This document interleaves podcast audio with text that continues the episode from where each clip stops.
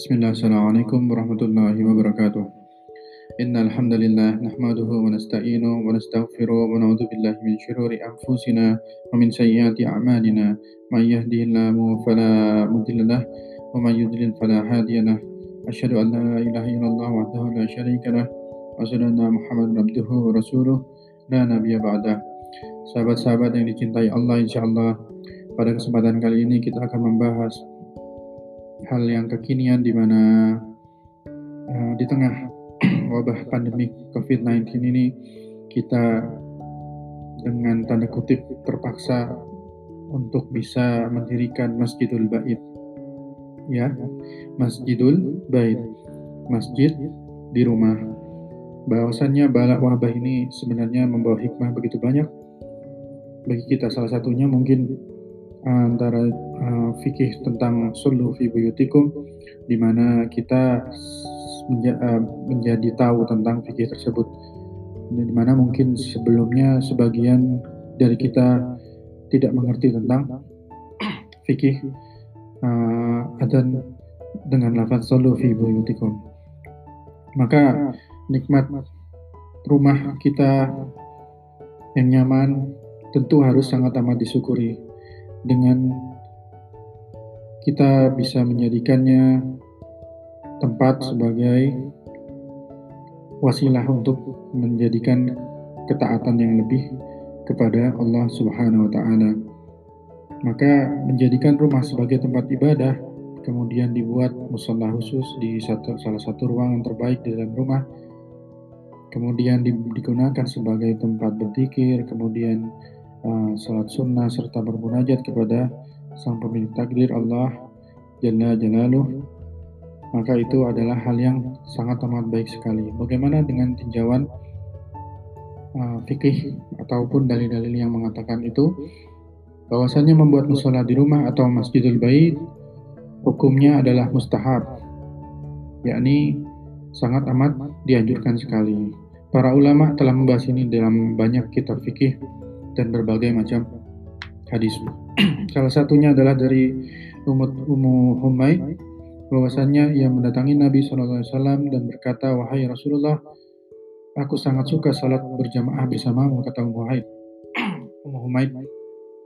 Kemudian beliau berkata, Aku sudah tahu, tapi sholatmu di masjid di rumahmu lebih baik daripada sholatmu di kamar. Sholatmu di kamar lebih baik daripada sholatmu di dalam rumah. Sholatmu di, di, di rumahmu lebih baik daripada sholatmu di masjid kaummu. Sholatmu di masjid kaummu lebih baik daripada sholatmu di masjidku. Maksudnya Nabi Masjid Nabawi. Selanjutnya Ummu Humaid meminta dibuatkan masjid di tempat paling ujung di dalam rumahnya. Ia mengerjakan sholat di situ sampai menjumpai Allah. Sampai ajal datang. Hadis Rawahul Ahmad uh, juga ada pada hadis Ibnu Husaimah dan Ibnu Hibban dengan derajat hasan. Generasi salaf silam hampir selalu punya Masjidul Bait. Bentuknya ada dua. Bentuknya ada dua. Yang pertama berupa kamar khusus seperti pada hadis yang tadi kita bahas. Kemudian yang kedua adalah tempat khusus di salah satu pojok kamar jika kurang memungkinkan. Dalilnya apa? Dari Abu Hurairah bahwa seorang lelaki dan kaum Ansar memohon Rasulullah SAW datang ke rumahnya untuk berkenan menggarisi tempat sebagai masjid di dalam rumahnya untuk dia jadikan tempat salatnya.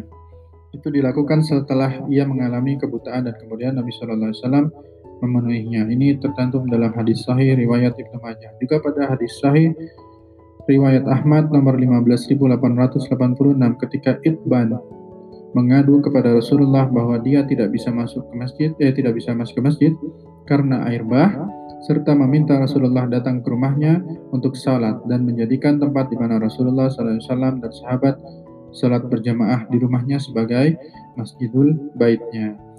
Maka masjid Masjidul Bait sangat penting fungsinya sebagai tempat berhalwat dengan Allah, berdoa-doaan dengan Allah, kemudian membina jiwa dan keikhlasan, juga sebagai tempat memperbanyak sujud dengan salat nafilah, salat-salat sunnah, mulai dari qiyamul lail, salat duha dan seterusnya dan seterusnya juga merupakan bisa dijadikan sebagai tempat yang paling utama untuk pembinaan anak-anak sekaligus sebagai media mengkokohkan hubungan keluarga dan banyak lagi lainnya.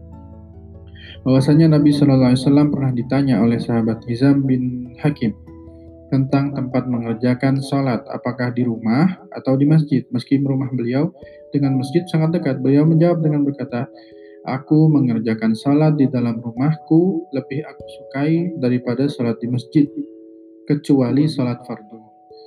Hadis Rawahul Ahmad dan Ibnu Wajah dengan derajat yang sahih.